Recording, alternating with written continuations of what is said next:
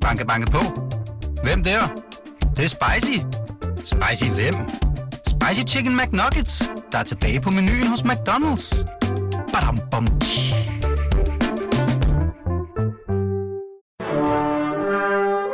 Du lytter til Radio 24 Den originale taleradio. Velkommen til Huxi og det gode gamle folketing med Huxi Bak. God formiddag, også her fra formandstolen i det gode gamle Folketing. Vi er øh, godt i gang med en ny sæson, en sæson, hvor vi ser frem mod finanslovsforhandlinger, men ikke et folketingsvalg. Til det øh, meldte statsminister Lars Løkke Rasmussen på sit pressemøde her øh, i forbindelse med sommergruppemødet, at han er i arbejdstøjet, ikke i valgtøjet. Så han går tid nu, tror jeg. Det var faktisk også, vi sad og diskuterede det, blandt andet Henning Dyrmos og jeg i sidste uge, og vi har begge to penge på, at valget det kommer først til foråret. Men der er meget andet at tale om. Men jeg skal starte med selvfølgelig ligesom øh, sædvanligt. Jeg erklærer mødet for åben. Og derefter øh, byder rigtig hjertelig velkommen til de tre herrer, som øh, er mine gæster i dag. Preben Rudjengård, velkommen til. Ole Sohn, velkommen til. Og Peter Vestermann, velkommen til. Alle sammen foranværende medlemmer af Folketinget for henholdsvis Venstre, Socialdemokratiet og SF. Og SF, for Peter Vestermanns vedkommende. De herrer, øh, vi skal i dag forbi, øh, ja, vi skal snakke lidt om, om at give hinanden hånden.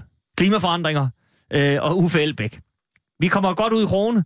Øh, men jeg kunne tænke mig lige at starte med en, en lille bitte ting, som dukkede op, tror jeg i går aftes. Muligvis første her øh, til morgen. Bare lige lynkort. Øh, Morten Østergaard, formand for De Radikale, som har været på, hvad nogen betegner som en selvmordsmission, men andre øh, betegner som altså det eneste rigtige for De Radikale at gøre, at nu må man være øh, altså, ja, radikal i sine udmeldinger.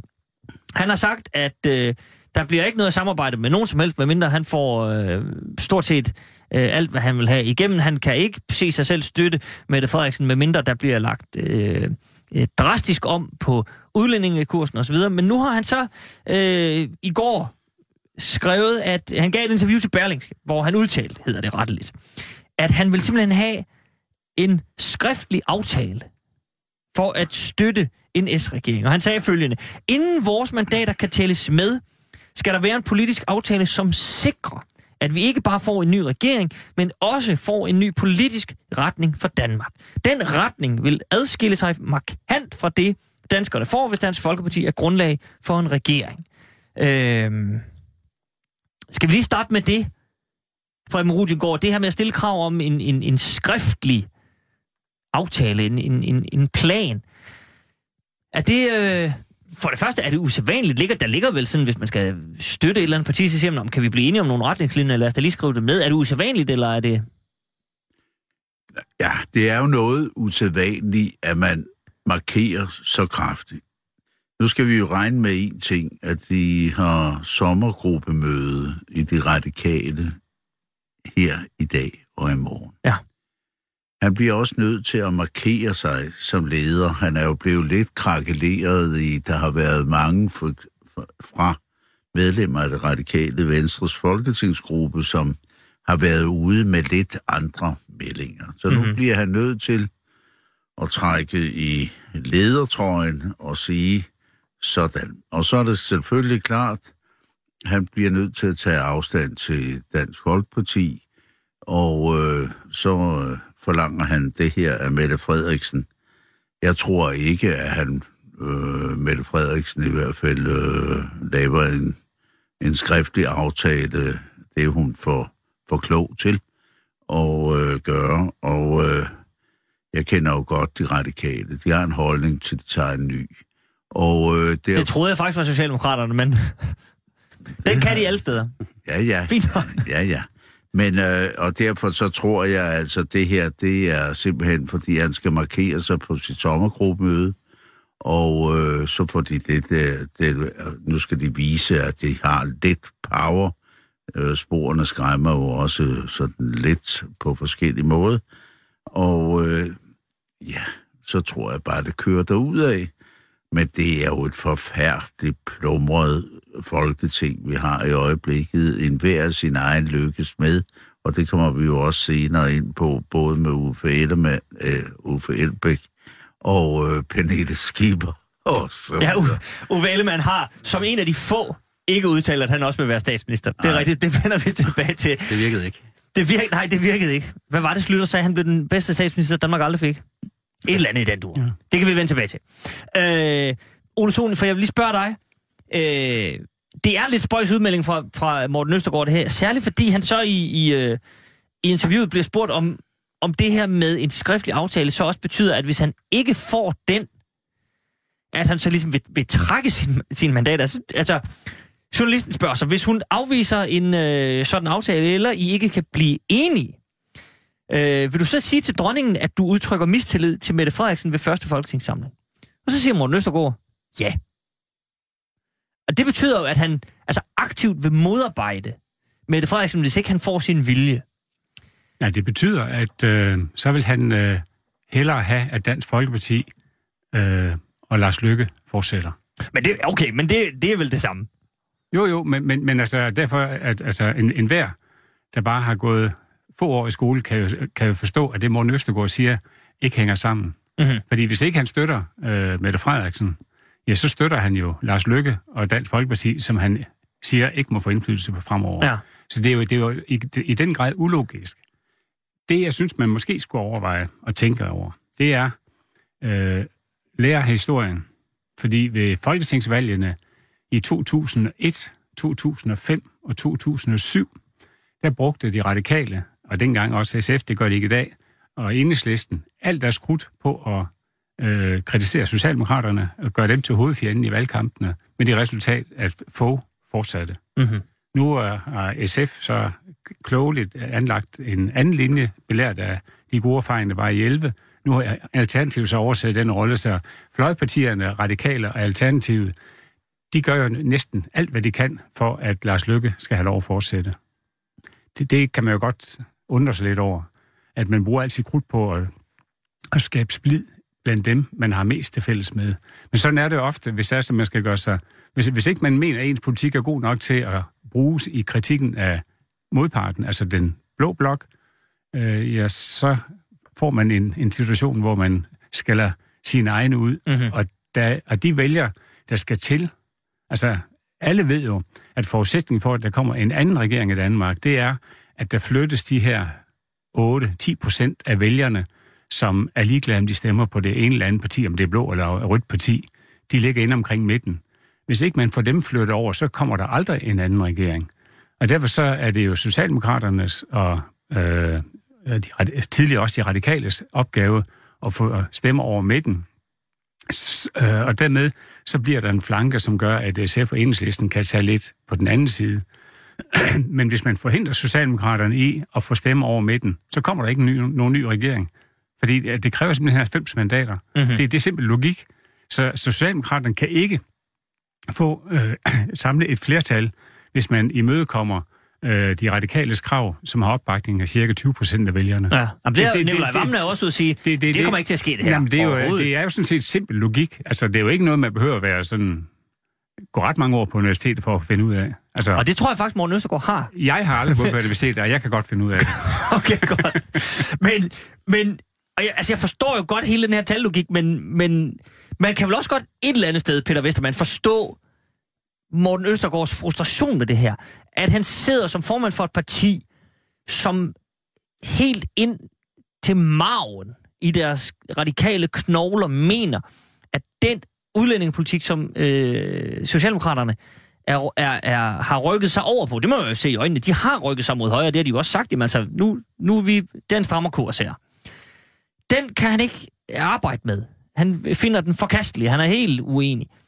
At skulle acceptere det, for at få sådan lidt af sin egen øh, politik igennem, er vel, altså han er vel, det er vel a rock and a hard place, lus mellem to negle, det her. Ja, det er det. Og, og det vil det være for rigtig mange partier, som Preben var inde på. Så er det et, øh, et mudret folketing, det vil sige, at der er mange partier, som skal finde sammen, og nogle for forskellige roller. Radikale er nok øh, selvfølgelig frustreret over den politiske udvikling, at Socialdemokratiet har øh, hvad kan man sige, skiftet prioriteter, og, øh, og i udlændingepolitikken lagt kursen noget om. Men de er jo også ærgerlige over, at deres strategiske rolle som kongemageren er fuldstændig udspillet. Øh, og måske i virkeligheden ret angst, det siger han jo nærmest direkte, for at det er Dansk Folkeparti, der er ved at overtage den rolle mm-hmm. på så at sige, midten af dansk politik, som, øh, som har været deres erklærede mål i mange år. Øh, men, men man skal tænke altså, Morten Østergaard gik ud af en regering øh, efter valget i, i 2015, hvor han havde spillet anden violin, øh, og nu er han ikke i nærheden af at komme i regering, fordi der er sket det skifte her. Øh, og, og det hænger jo sammen med et ledelsesskift øh, og, og en, en, en nyorientering i Socialdemokratiet, og så at radikale har valgt at, og, hvad kan man sige, rykke måske endda lidt længere den anden vej. Mm. Øh, og så opstår der jo den her afstand mellem dem. Øh, der synes jeg jo nok, at, øh, at det er lidt pudsigt at se enhedslisten være mere pragmatisk, og det kommer vi tilbage til senere. Øh, og jeg synes også, at SF har en, en mere fornuftig linje i forhold til det her, for Ole har jo fuldstændig ret i, at hovedfjenden, hvis vi skal tale om fjender, det har vi jo heldigvis ikke så mange af i dansk politik, øh, men, men hovedmodstanderne, det, det er jo trods alt øh, dem, der står helt over på den anden side mm-hmm. og, og vil barbere vores velfærdssamfund ned til sokkerholderne. Så, så hvis nu man kunne holde sammen på, på, på blokken, så at sige, øh, så, så er det trods alt første prioritet, okay. synes jeg. Men, men kan du, kan du så fortælle mig, hvorfor han gør det her? Fordi det er jo virkelig drastisk. Er det, er det som Preben siger, jamen det er fordi, der er sommergruppemøde, og, og Morten Østergaard skal lige markere sig som, øh, som ny formand? Og han er nødt til at, at øh, virke meget radikal. At, at han vil, øh, han vil tjekkes tjekke nogle radikale vælgere, som, som har det på den her måde, og, og det er nok for ham i den her omgang. Altså, der er jo flere partier, som, som ikke har de meningsmål, de gerne vil have. Det gælder nok alle i virkeligheden. Men, men, men radikale har et behov for at, øh, at, at få en øh, tilstrækkelig vælgertilslutning for overhovedet at være relevante i næste folketing i forhold til, til forlig og så videre.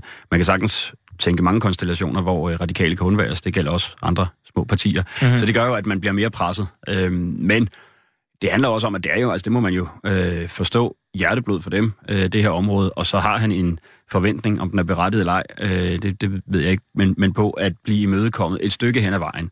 Men der synes jeg så bare, at, øh, at vi i SF har en, en lidt mere, øh, hvad kan man sige, realistisk tilgang til at, at få nogle indrømmelser, nemlig at vi tror med at blive i stedet for at gå. Så mm-hmm. Ja. Så altså, en lidt urealistisk Morten Østergaard, men Preben, så vil jeg spørge dig, han, øh, han siger også i det her interview noget, en lille ting, jeg øh, stussede over. Det har måske noget at gøre med det her sommergruppemøde og så videre. At øh, han siger, at kursen er lagt. Der er nogen, der begynder at snakke lidt om intern palaver. Øh, Martin Lidegaard har været ude på et tidspunkt og, og, og skrive lidt sådan mere forsonlige toner, kan man sige. Og så siger Morten Østergaard, jamen kursen er lagt. Der er ikke nogen radikal magtkamp. Og her kommer det vigtige. Jeg vil slet ikke acceptere, at vi spilder vores tid på det. Altså, han, han kan ikke acceptere, at der er radikal intern splid. Øh... men, men Preben, er det et tegn på, at der er det? altså, efter min mening, så har min analyse, min personlige analyse er, at Morten Østergaard igennem den sidste tid ikke har leveret varen. Han prøver at få kram på sig. Så møder han op og sidder ude i en lejlighed i en ghetto. Et shownummer uden lige, uden effekt af nogen som helst art, for at prøve at markere lidt. Der er der ingen tvivl om, at når du som leder ikke, ikke altså det politiske leder, ikke viser den fornødne magt og styrke og så videre, så begynder alle de andre nedunder. Og der er der ingen tvivl om, at Martin Lidegaard øh, har der også nogle store ambitioner. Vi kender ham jo godt. Og det har han, og det skal han have lov til at have. Sådan er det i systemet.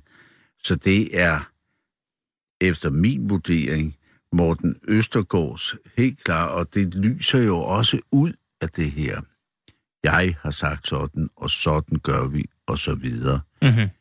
Det tror jeg da godt i, over den kop øl, de skal have senere i aften på sommergruppemødet, og en får måske lige lovlig meget af øllet. Du mener, en får så to kommer, kopper? Så kommer der måske sådan nogle øh, hentydninger til det der. Men øh, de holder det selvfølgelig øh, udad til på denne her måde. Mm-hmm. Men der er, hvis du ikke leverer varen, så er der også nogen, der står på spring. Og det tror jeg, at det er også hans reaktion på det. Læg også mærke til i samme artikel, så er han meget stolt af, at de har fået 243 nye medlemmer øh, er i de radikale. Ja, altså 243 øh, nye medlemmer, det... Ej, i disse tider, Preben, hvor, ja, ja, hvor ja, medlemmer ja. af politiske partier Men kan Gud se, ikke hænge om han, han klynger sig til et alle halmstrå Ja. for at bare prøve at vise, jamen, jeg er jo lederen og har skaffet det her. Så jeg tror, at der er en ulmende magtkamp i gang i det radikale. Mm-hmm. Øh... Men, men Ole Sohn, kan det... Hvad skal man sige? Kan det, kan det, kan det også være det, der ligesom øh, besejler hans skæbne, at, at øh, det er blevet for meget det her, og, og de radikale vil, vil tilbage til den position, som, som Peter også var inde på, den her kongemager-ting, og, og han, det er kommet for langt ud med Ja, Morten jamen, der er ingen tvivl om, at, at, øh, at det irriterer de radikale, at de ikke har den der kongemager-position. Øh, men, men omvendt, så, så er det jo i strid med radikal grundidé at være ultimativ. De har jo altid arbejdet på ja. at søge indflydelse øh, i alle steder. Det er vel det parti i oppositionen, der har lavet flest aftaler med den nuværende regering og med Dansk Folkeparti øh, igennem den sidste periode her. Øh, og, så, og så fordi de værdimæssigt på et punkt, hvor de er i, i meget, meget, meget klart mindretal i befolkningen, Mhm. gør det til et ultimativt krav. Det, det er jo ligesom at sige, for os der betyder for eksempel klimapolitikken ikke så meget. Selvom de siger, at det projicerer de højt, så betyder det åbenbart ikke så meget, om de får noget igennem der. Øh, selvom de kunne skabe flertal øh, med hele oppositionen, har jo lavet et fælles klimapolitisk udspil, som, som øh, man kunne folde ud. Men, men, men i og med, at man gør øh, udlændingepolitikken, hvor man på forhånd ved, her er der ikke nogen muligheder for, at komme igennem med en politik, som har 20 procent af vælgernes opbakning. Det får man ikke flertal for i Folketinget. Gør det til ultimativt. Det, det er ikke udtryk for klog politisk lederskab. Men er, det, men er det udtryk for, at Morten Østergaard ser det som det eneste område, hvor man kan markere sig lidt, altså hvor man kan adskille sig fra alle de andre? Og sige, jamen, vi som radikale, vi er nødt til at tage den der flanke, fordi hvis vi siger klima, jamen, den har Uffe Elbæk også, og den har alle de andre også. Selv Venstre og Socialdemokraterne har jo lavet grønne plakater af det ene og det andet. Den økonomiske politik, det er sådan lidt... Der ligger de for langt op af, af, af blå blok. Der, der er ikke rigtig noget, hvor man kan sige, at det her er et radikalt aftryk. Jo, Andet end ud, jamen udlændingepolitik. det, ja, altså, hvis, hvis man, øh, hvis partiets, altså hvis man som parti har øh, det ønske at få et par mandater ekstra, Mhm. og så er jeg ligeglad, være, være, være ligeglad med, om man har indflydelse på de mandater, så kan det være en vej at gå.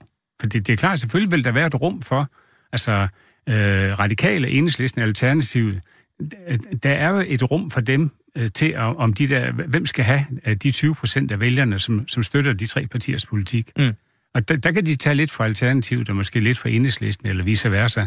Øh, men, men det er jo ikke noget, det giver... Men det flytter ikke noget Det i det store noget- regnskab. Jamen, det giver jo ikke noget, det giver jo ikke de radikale større indflydelse, som de har to mandater mere øh, i Folketinget, ikke, som de har taget fra Alternativet. Øh, det, det får de jo ikke noget miljøpolitik igennem, det får de ikke noget øh, uddannelsespolitik igennem, eller noget økonomisk politik mm. igennem. Mm. Så, så derfor så, jeg, jeg, jeg, altså dybest set, så forstår jeg ikke deres strategi, for det, jeg synes, der ligger så langt fra, fra sådan en radikal tankegang om at være det, det pragmatiske, samarbejdssøgende parti, at, at de vælger et... Øh, øh, og de ved det jo også godt, altså de radikale ved det om nogen, at forudsætningen for at få flere stemmer, det er ikke, at radikale får et par mandater fra Alternativet. Det flytter jo ikke noget.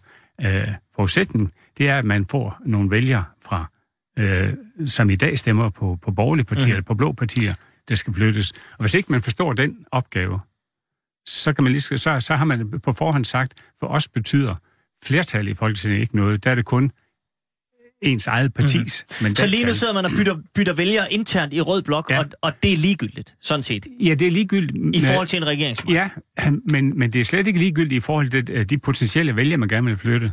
Fordi potentielle vælgere, som overvejer måske at stemme på Socialdemokraterne, øh, tidligere også i Radikale, altså vælgere, som øh, i dag stemmer på Venstre og Dansk Folkeparti, som måske kan trækkes over til Socialdemokraterne, de vil flygte langt væk, hvis Socialdemokraterne binder sig til en udlændingepolitik, som 80 procent af vælgerne er imod. Mhm. Så vil de aldrig stemme på Socialdemokraterne. Altså, så, så, så man kan sige, øh, hvis ikke man forstår den logik i politik, øh, og, og det, det, det har alle partierne i oppositionen, en, at det, de har et ansvar for også at forstå den rollefordeling, at nogle partier skal skaffe vælge over midten, og så kan andre partier så øh, sådan tage lidt på den anden flanke øh, øh, for, for de store partier, altså for Socialdemokraterne. Og sådan har det altid været. Men hvis ikke man har forståelsen af, at det samlet set gælder om at få 90 mandater, øh, så, så er politik faktisk ret ligegyldig. Peter Vestermann? Ja, altså, man skal huske, at øh, Socialdemokraterne prøvede i sidste valgkamp at kabre vælger over midten, hvilket er deres øh, kan sige, historiske rolle jo. Øh, på den økonomiske politik, det var det, øh, Torning og Korydon især slog sig op på, at der var styr på økonomien, og vi skal videre. Det skulle de så. Men, men øh, så skete der så det skifte, at, at nu det så udlændingepolitikken, øh, man især bruger som slagnummer for at sige, kom tilbage til os fra Dansk Folkeparti især. Så det er så højprofileret en strategisk satsning fra Socialdemokraterne, at jo mere Morten Østergaard presser på inden et valg, jo mere kan man være sikker på ikke at få efter et valg. Fordi så presser han dem op i et hjørne, hvor de, som Nikolaj Vammen øh, gjorde i, som, som øh, respons på det øh, interview der, øh, siger fuldstændig sort på hvidt, at det kan der ikke blive tale om. Ja, Morten Østergaard siger, Morten, øh, slået øh, Vammen siger, Morten Østergaard må gøre op med sig selv, om han virkelig vil spænde ben for en ny politisk retning, ved at forsøge at ændre en udlændingepolitik, som 80% af danskerne og Folketinget støtter op om. Ja. Mm. Jeg har jo ikke set det er jo, som du siger, Ole Sohn, ikke? Ja. Og, og, og, og det er det, jeg mener, at jo mere de presser på, jeg tror nok, Morten Østergaard, han øh, i sit stillesind håber, at øh, der sker det, som, som Preben var inde på tidligere, at øh, Socialdemokraterne siger, at man har et standpunkt til, man tager sig et nyt. Jeg mener, det var det, Jens Otto Krav sagde i forhold til det røde kabinet, Præcis. hvor han havde forsvoret at øh, give SF indflydelse efter et folketingsvalg, og så fik vi det alligevel. Øh, nu siger vi, jeg var ikke født, men, øh, men ikke desto mindre. Øh, så, så det kan jo ske, men, men, men der er det jo de faktiske forhold i jernindustrien, eller i hvert fald i, i Folketinget, der afgør det, og det er, hvem kan man lave et flertal med. Mhm. Og lige nu ser det ud som, at de radikale kan undværes i mange af de konstellationer, Socialdemokratiet kigger på. Men det ser vel også, altså hvis vi sådan, og for, for, for det er jo noget, som er blevet sagt i alle partier, det her.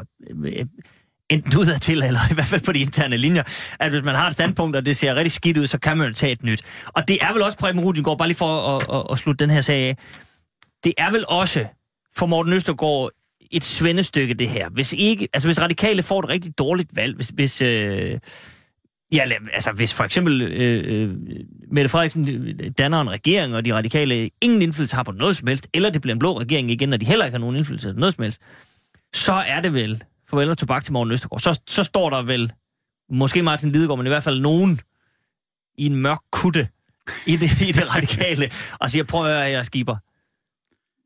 Så, er det, så må du flytte ud i ghettoen igen og tænke dig om i mere end tre dage. Jamen, der er ingen tvivl om, at leverer han ikke varen, og de kommer til at sidde ude på kanten, uden nogen form for indflydelse. Og det vi også har snakket om, den der kongemærerrolle og alt muligt, som er væk. Mm.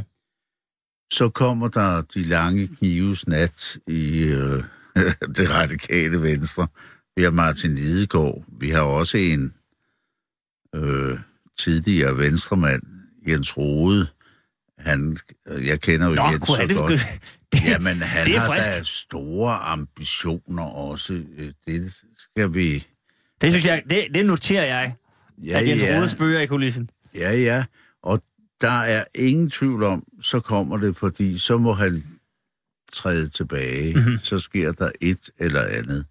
Så øh, det er knald eller fald for Morten Østergaard, og det, han har lavet her, det er tåbeligt. Lad det blive det, lad det, blive det forløbige sidste ord for den her sag. Jeg er sikker på, at vi ikke har hørt det sidste til Morten Østergaard. Der skal nok komme mere fra den kant. Det her, det er det gode, gamle Folketing. Du er på Radio 24 og jeg har i dag besøg af Peter Vestermann, Ole Sohn og Preben Rutingård. Øhm, og nu skal vi til, jeg tror, vil, vil jeg sige, den store nyhed fra sidste uge, nemlig at Uffe Elbæk, formand, tror jeg godt, jeg kan sige, ubestridt formand for Alternativet, øh, lancerede sin store regeringsplan. Og de har jo i partiet arbejdet med de her politiske laboratorier, hvor man tænker og tænker, så danser man, sidder lidt i rundkreds, og så tænker man videre. Øh, og man kom frem til, øh, at der skulle virkelig ske noget. Der skulle simpelthen, altså 15 ministerier skulle vi øh, ned på, og de skulle være helt nye. Vi kan så lige vende tilbage til, hvor meget, vi talte lige kort om det, inden vi gik i studiet, hvor meget nyt der faktisk er. De har i hvert fald fået nye navne. Der er dog enkelte ting, som, som er meget nyt. Øh, jeg kan lige bare lige et par nedslag i forhold til ministerierne. Øh, der, Ministeriet for god fordeling. Der er mange nye fine titler. Øh, Socialministeriet. Det jeg, vi har, Ole, og jeg, Ole og jeg talte om, om, man, om Ole han kunne... Hvis jeg bare læser et ministerium op om Ole, så kunne, det, kunne koble det til noget, vi faktisk har i dag. Men de vil godt prøve, Ole. Altså, så er der udenrigsministeriet, men så er der så tre udenrigsministre. Men det er der jo næsten også i dag, men, men, faktisk. det vi det, men det vil jeg så sige, at øh, øh, altså, vi har et øh, decideret udenrigsministerium. Ja, så har vi vi jo udviklings- udviklingsministeriet, og så har vi, eller under Helle thorning havde vi jo et handelsministerium. Det er rigtigt. Og det synes jeg, vi skal have igen. Okay, så der... Det kan godt, det kan godt være noget. Jamen, det, det var, Men jo det var, så, han jo- stor, han- det var her- så stor gavn for dansk erhvervsliv, øh, og dermed øh, dansk øh, jobskabelse, det, at vi havde det. Ja. det Men det, altså, Uffe Elbæk mener jo faktisk, at øh, Forsvarsministeriet skal ind under Udenrigsministeriet. Det kan vi lige, vi vender lige tilbage Ja, ja. til. Og Nu, der skal være en minister for Nordatlanten. også Det det. vil være så smart, at så er man sikker på, at der altid dukker en op til de der møder med den amerikanske udenrigsminister. Mm. Det har været uheldigt tidligere, når den danske udenrigsminister var på ferie. Korrekt, korrekt. Lene Espersen, ring ind, hvis du vil sige noget. Øhm, Ministeriet for Mennesker på Flugt og Nye Danskere. Men det, er det Udlænding- og Integrationsministeriet? Ja. Den, ja. den kan jeg selv. øh, så Am Ole, så vil jeg gerne lige høre den her. Øh, ja, altså, Ministeriet for Livslang Nysgerrighed. det kunne være Kulturministeriet. Eller det kan være... Øh, ej, det er nok mere ved et uddannelsesministerium. Ja, det må være uddannelse, ja, ikke? uddannelsesministerium, ja. Det, skal i hvert fald, det er i hvert fald minister, som får ansvaret for uddannelsessektoren. Og uddannelsesloftet. Og test i folkeskolen osv. Det, nu læser jeg bare op, hvad der står. Øh, Sundhedsforebyggelsesministeriet, jamen den er også god nok. Men det, der er to ting, jeg godt vil slå ned på. Øh, to statsministre, siger han. Det vil man gerne have. Øh, det har vi jo sådan... Og det, siger- nu, det siger jeg, fordi vi, vi kan godt sidde og Kan, kan vi klukke lige, øh, øh, jeg husker, hvad, hvad, hvad, hvilken øh, jobportefølje skulle de have? Altså, Det skal jeg fortælle fordeles? Det skal jeg kan fortælle. huske. Øh, statsministeren skal... Der er så åben, nu, det, jeg ved ikke lige, hvordan man deler det op her, men øh, statsministeren... Det, jamen, det er meget interessant, fordi det er faktisk noget, vi har været forbi før. Den her fordeling her. Der er en statsminister, som skal sikre, at alle ministerier overholder menneskerettighederne, bidrager til opfyldelsen af den internationale klimaaftale fra Paris, FN's verdensmål og andre internationale aftaler og forpligtelser, samt lever op til de etiske krav og principper for god regeringsførelse. Det er nogen, som Alternativet også vil indføre. Og så skal der indføres en visestatsminister. Det har vi jo drøftet flere gange, det her med. Man har det i USA, man har det øh, andre steder. At man ligesom siger, når man der er en minister, og så er der en juniorminister, viceminister. Øh, men er det nødvendigvis en helt tosset tanke, Peter Vestermann? Altså, den generelle tanke om at få nogle juniorministre, synes jeg sådan set kan være ganske fint. Ole nævnte nogle eksempler på nogle junior udenrigsministre, og vi, vi kan mm-hmm. finde på, på mange andre. Lige på statsministeriet, der tror jeg, man er nødt til at have en entydig ledelse. Øh, det lød også lidt som om, det var en good cop, bad cop øh, konstellation, de havde lavet, at den ene skulle sikre, at regeringen var etisk og overholdt aftaler og, og så videre, og den anden skal så være den reelle indpisker. Øh, det, jeg har svært ved at se, at det, øh, at det fungerer. Øh, men, men princippet... Det kan jo i hvert fald afstedkomme nogle slagsmål om, hvem der skal være hvad. det er det, altså... Øh, der skal dannes en regering. Søren Gade sagde, the box stops her, øh, og, og hvor stopper the box så, hvis der er to statsminister, ikke? Ja. Det var svært nok at finde ved ham med en. Ja. Men øh, ja, okay. Men, men man kan jo sige, altså hvis man skal sige noget positivt om det, at, at nogle af de øh, temaer, som den ene statsminister skulle varetage, altså for eksempel, øh, hvis man satte sig nogle klimamål, altså, Ja. ja. Mhm. det, det giver jo god mening, men, men det er jo noget, en regering beslutter sig for, hvis man nu siger, at FN's øh, 15. verdensmål skal inkorporeres i regeringspolitik, jamen så er det jo en beslutning, og så vil de enkelte ministre jo skulle sørge for at indarbejde på deres område, hvor det måtte være nødvendigt. Mhm. Mm-hmm. Altså, det, det, behøver man, altså, man, det behøver man ikke en minister, eller en, en særlig minister for. Det er jo en politik, som man beslutter sig for.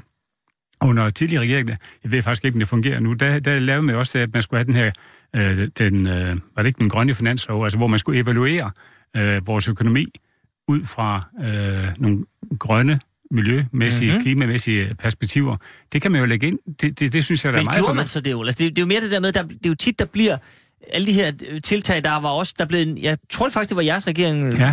der, der, ned, der i hvert fald gav nogle penge til, at man kunne lave det her alternative BNP, med sådan grønt BNP. Ja, Øh, men, men det er jo tit, at man får en god idé, og så er der, glemmer man, at man har fået en god idé, og så, så sker der ikke rigtig mere. men Vil det- ikke være fint at have sådan en minister, som simpelthen vedkommendes job er at holde snor i alle de ting, der er blevet sat i søen, så man faktisk overholder det? Jo, men, men det vil jo typisk, altså, altså det, vil, det vil nok ikke være statsministeren. Det vil jo, øh, i, i, i en normal regering, som vi kender det i dag, det behøver ikke at være sådan fremover, men så vil det jo være finansministeren, øh, mm-hmm. der har den, den, den rolle at sørge for. I dag er det også, at, man, at, at lovene, øh, danske love, de skal for eksempel øh, de, øh, gås igennem for at se, øh, hvordan er de, altså hvis det er, har relation til EU, er de, er de overimplementeret? Altså øh, regeringen og Folketinget bredt har jo sådan en, en, en, en, en fælles regel om, at man implementerer EU-regler, man overimplementerer ikke. Det skal man gøre, hvis man gør det, så skal man gå redde for det øh, og forklare, hvorfor man gør det. Og det, øh, også hvis det har nogle miljømæssige konsekvenser eller, eller erhvervspolitiske konsekvenser, så skal et lovforslag, så skal man redegøre for det. Så, så det er jo noget, man kan inkorporere i den, den måde, som minister, ministerierne arbejder på. Mm-hmm. Så man kan komme langt øh, af det, Uffe, Uffe Elbæk vil, øh, uden at øh, man behøver at lave om på, på ministernavnet. Okay. Det kan man jo også. Altså, det er, ikke, det er jo ikke alt sammen... Altså, det kan jo også være fornuftigt nok at, at se på, på navne. Man behøver ikke kalde...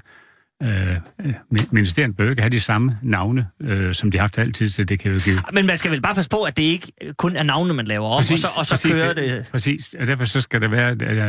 Der skal være noget substans bag det. Mm-hmm. Preben Rudingård, ser du nogen øh, substantiel forandring? Nej, ikke en så kort kan det siges. Jamen, det er da fuldstændig, det er, som vi lige har siddet og snakket om, man giver til nogle andre navne. Jeg kan godt, og der er jeg enig, og vi har diskuteret det også i mit parti, det vil jeg gerne sige her, med nogle juniorministre, som øh, kan tage noget af det der og være sådan lidt mere til stede og, og sørge for, at det kører, således at det ikke kun er embedsmændene, der, der styrer det hele. For jo mere en minister er væk, jo mere lægger vi magten over til embedsværket. Sådan er det. Som juniorminister, det er fint nok. Men når vi ser på statsministeren, og som Ole også var inde på, man har et regeringsprogram, og det er det, man kører, og så videre. Og jeg kan godt, altså det kan godt være, at nogen ikke kan lide ham. Jeg kan nu meget godt lide ham. Øh, Anders Fogh, jeg kan godt fortælle en ting. Da jeg sad i Folketinget, og hver eneste gang, der kom et eller andet, så havde Anders sin lille sorte bog og sikrede, at det var en del af regeringsgrundlaget, og vi havde nået det. Det er jo statsministerens rolle også i det her. Altså, jeg har indtryk af, at Uffe Elbæk, han skal have et eller andet, så han kan sidde oppe i toppen af Elfenbindstårnet og skue ud og være den store mester, og så får han en visestatsminister, som øh, skal tage sig af den daglige drift og svede og slide og alt muligt andet. Fordi han er jo, han betragter sig som øh, frontfiguren, den halve Gud til befolkningen og det vil han blive ved med. Og det er hans psyke, og det skal han have lov til at have. Jeg er bare fuldstændig enig. Og som øh, fru Bager sagde, vores politiske ordfører, it's crazy. øh, så, det sagde hun, ja, det er rigtigt. Ja, så øh, jeg må nok sige, det her, det er, undskyld men, men, udtrykket, en fis i en hornlygte. Jamen, ja, jeg vil sige, altså, altså, på en eller anden måde, så synes jeg, at uh, Alternativ kom, øh, der, der samlede de en frustration op blandt nogle vælgere mm. over de etablerede partier. Altså, fordi det havde en, ikke bare navn alternativ, men det havde en alternativ tilgang til politik.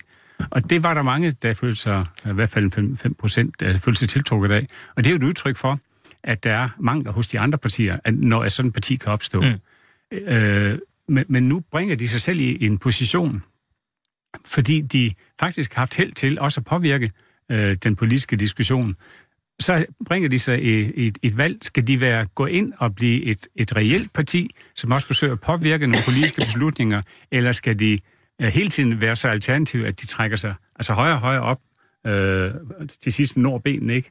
Og, og der er de jo ved at gøre nu, fordi det eneste reelle, substantielle, de, er, de sådan set har spillet ud med til vælgerne forud for næste valg, det er, at, øh, at hvis ikke Uffe Elbæk, han bliver statsminister, så overlader de det gerne til Lars Løkke igen.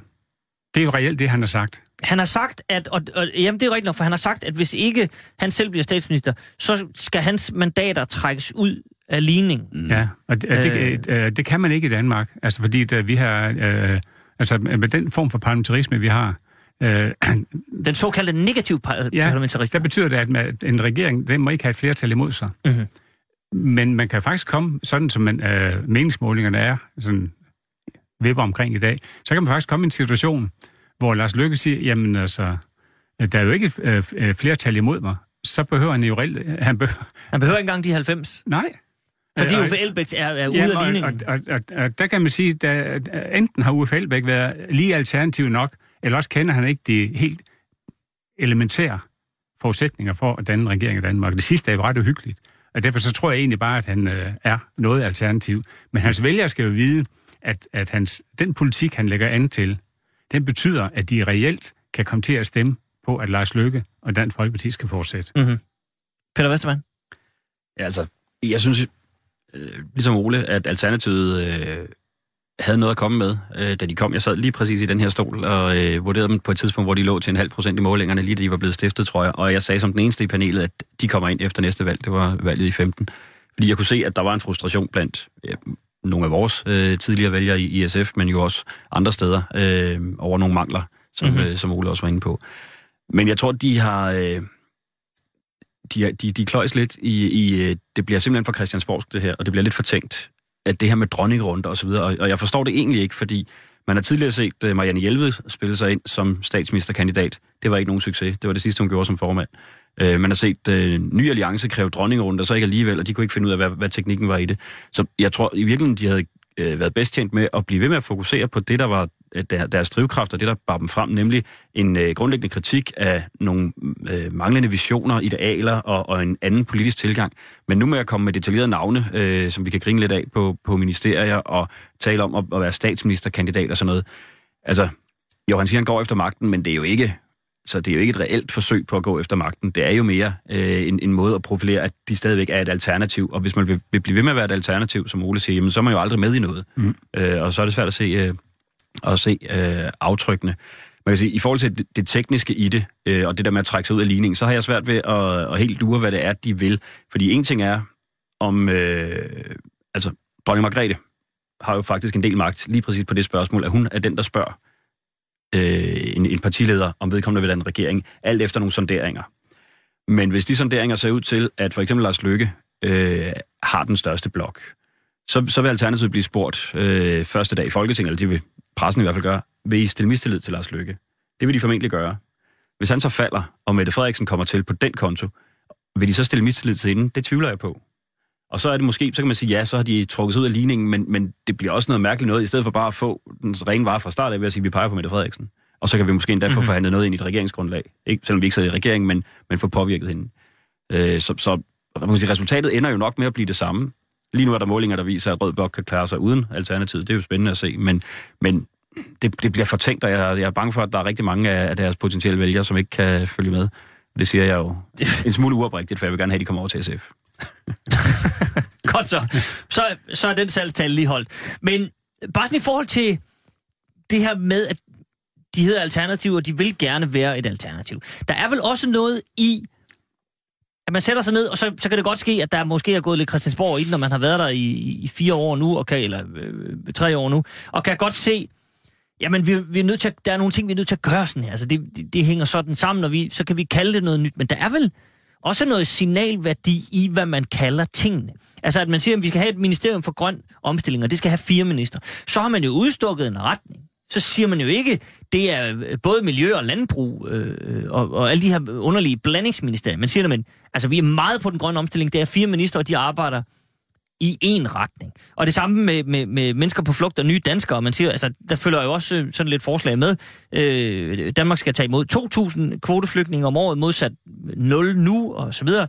Øh, øh, at man ligesom kalder det noget, som også signalerer en retning, Ole. Det, det, det kan vel også et eller andet? Ja, ja, bestemt. Altså, det kan det da. Øh, Og, og, og man kan sige, at noget af det, der er mest højprofileret hos Alternativ, det er jo klimaet. Mm. Det siger Uffe Elbæk og andre jo øh, for, rigtigt hele tiden. Og er der noget, Alternativ kunne få indflydelse på, så var det klimapolitikken. Altså, for det første har de jo lavet et fælles udspil, øh, hele oppositionen, Socialdemokraterne, øh, Radikale, SF, Enhedslisten og Alternativet. Så allerede her viser der, er, er der en samklang. Alternativt, de vil givetvis gerne gå videre end, end det fælles udspil. Mm-hmm. Jamen, så arbejde der på det. Øh, der bliver jo, en, øh, øh, hvis der kommer en ny regering, jamen så, skal, så, så har Socialdemokraterne, de har jo for det første det fælles grundlag, som man har lavet hele oppositionen som klimapolitik. Jamen det kan da være alternativt, de kan få det påvirket mere, hvis de øh, arbejder for det. Men det har de jo valgt at stille sig ud over. De har jo sagt, at det er helt ligegyldigt. Hvis, vi, hvis ikke jeg bliver statsminister, så, øh, så trækker vi os ud af ligningen, og så, så er det sandsynligvis Lars Løkke, der kører videre. Så, så for dem spiller klimaet ikke så stor en rolle, at de vil påvirke den politiske beslutningsproces i Folketinget. Og det synes jeg er ret skuffende. Og det, øh, det er jeg ikke sikker på, at deres vælgere helt har forstået, at, at, øh, Christians, at netop Christiansborgs spillet er blevet så vigtigt for Uffe Elbæk, at hans hovedtema, klimaet, spiller en underordnet rolle mm-hmm. i hans øh, politik. Det, det, jeg, jeg synes, det er lidt underligt. Så, så Preben Rudegård, kan jeg, kan jeg stille spørgsmålet sådan her? Øh, er Uffe Elbæk blevet så...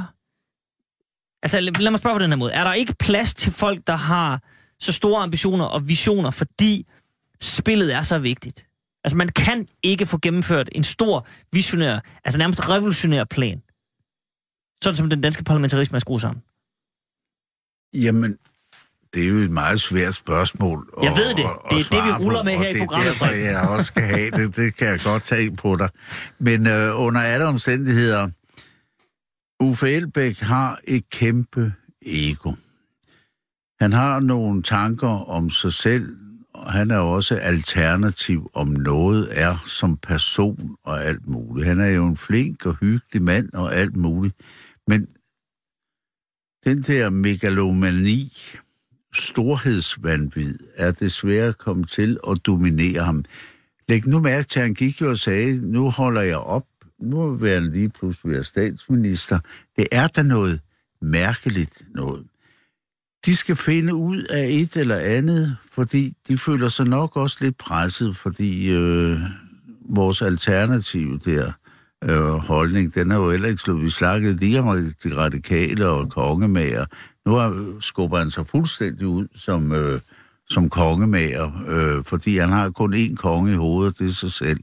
Og derfor ødelægger han det på forskellige måder.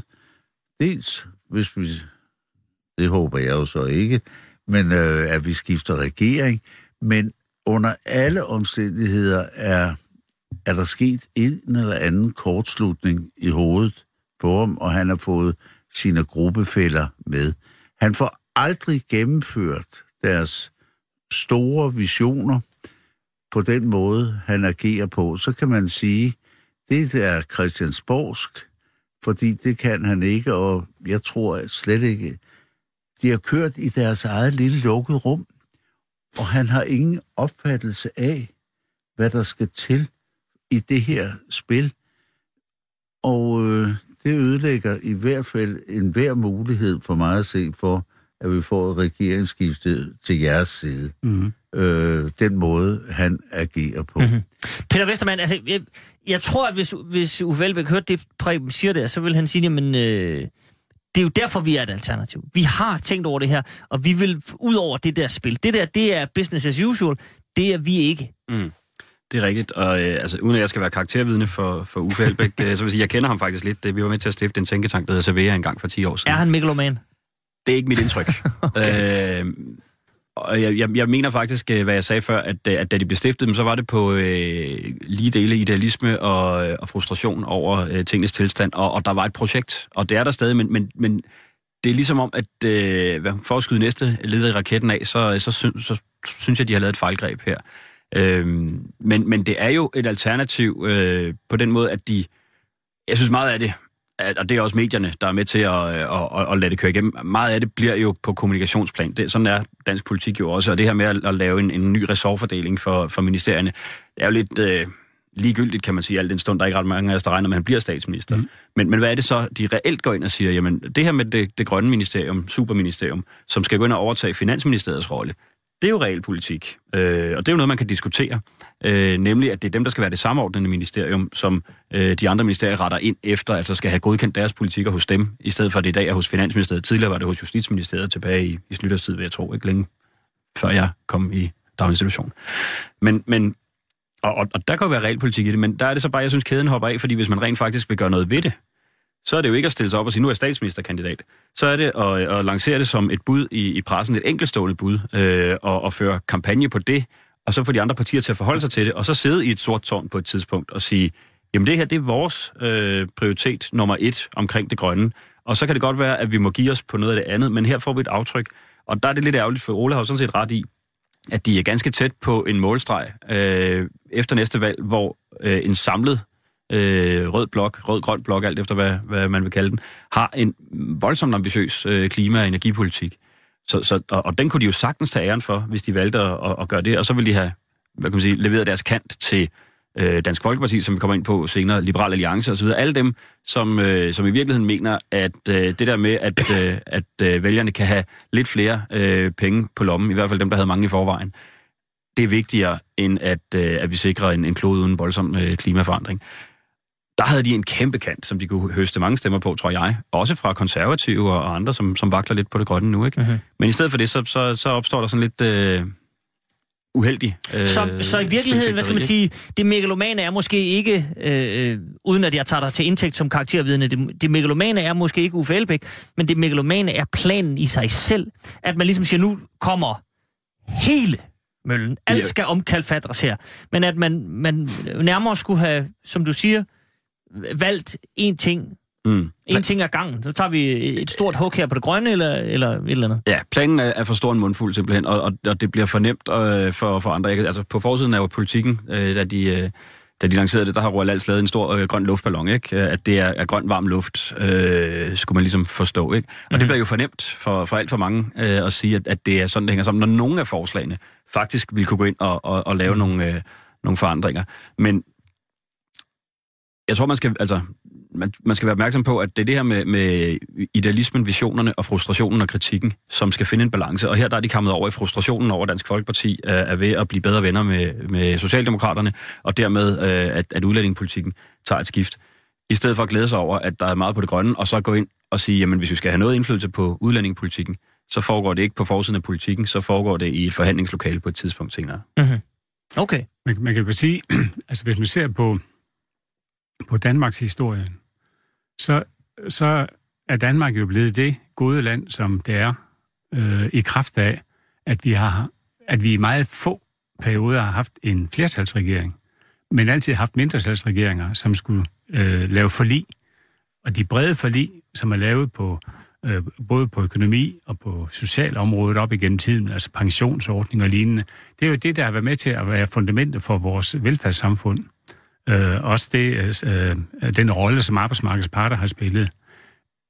Og det gør jo, at, at det er svært i Danmark at komme med en plan som Uffe Elbæk og sige, nu revolutionerer vi det hele, Mhm. mm-hmm. øh, og, og hvis ikke det, er os alene, øh, det, så, så er vi slet ikke med. Øh, Det er så, han sagt, det, det er en meget udansk måde, altså tilgang til, til politik, hvis man ser på historien, øh, hvor, hvor øh, alle forlig, alle de bærende forlig, som har ført Danmark reelt fremad, de har været lavet hen over midten. Mhm. Øh, fordi det er det, der gør det holdbart. Ja. Altså, og, og, og jeg synes selvfølgelig, klima, altså det, det udspil, som er kommet, øh, som oppositionen har lavet, at, at det er rigtigt, at det går i den rigtige retning. Men jeg vil da håbe, at man kan få lavet et forlig, som er bredere end øh, den nuværende opposition. Fordi det er det, der gør det langtidsholdbart, og det er det, der gør det muligt for øh, virksomhederne at kunne investere i tillid til, at en, en, en så grundlæggende del af deres, altså øh, så grundlæggende politik, som har indflydelse på virksomhedernes udvikling og, og jobskabelse i Danmark, at, at det er stabilt. Det, det, det synes jeg er ret afgørende. Øh, og derfor så, øh, og kan jeg forstå sådan set udmærket med Mette Frederiksens tilgang at sige, det kan ikke nytte noget, at vi øh, vil hedder harcelerer mod den nuværende blokpolitik, som Blå Blok kører, ved at erstatte den med en rød blok. At, at den skal køre det hele. Mhm. Når, øh, også fordi, øh, altså, det ses jo med al tydelighed, at, rød blok jo ikke er enige om, om alt. Jamen, så giver det jo god mening, at, at man arbejder bredt. Altså, øh, øh, der hvor man kan skaffe sig et flertal, og, og det giver også god mening for de partier i oppositionen, altså øh, øh, SF og Enhedslisten, Alternativ og Radikal, at de så øh, søger indflydelse der, hvor de, øh, de kan være med til at præge udviklingen. Mhm. Øh, og, og det kan de på langt de fleste områder. Godt.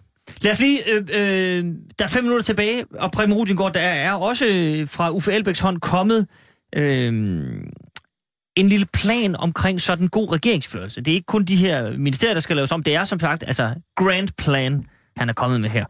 Jeg vil bare lige løbe et par stykker forbi dig. Altså, det kan også være øh, Ola og og Peter også i. Men øh, bare så lige øh, lynkort, fordi der, der skal virkelig ske noget. Øh, og så kan du bare lige sige, om det er, sådan, er det helt vanvittigt, eller kunne det måske være noget? For der er nogle alternativer her. For eksempel, hvis han bliver øh, øh, statsminister, så skal der altså øh, regeres på en anden måde. For eksempel skal ministre i praktik i et tilsvarende ministerium i et af verdens fattige lande. Nej, det, Vil det ikke være meget godt? Jo, det... Du bliver sundhedsminister, du er jo læge, Preben.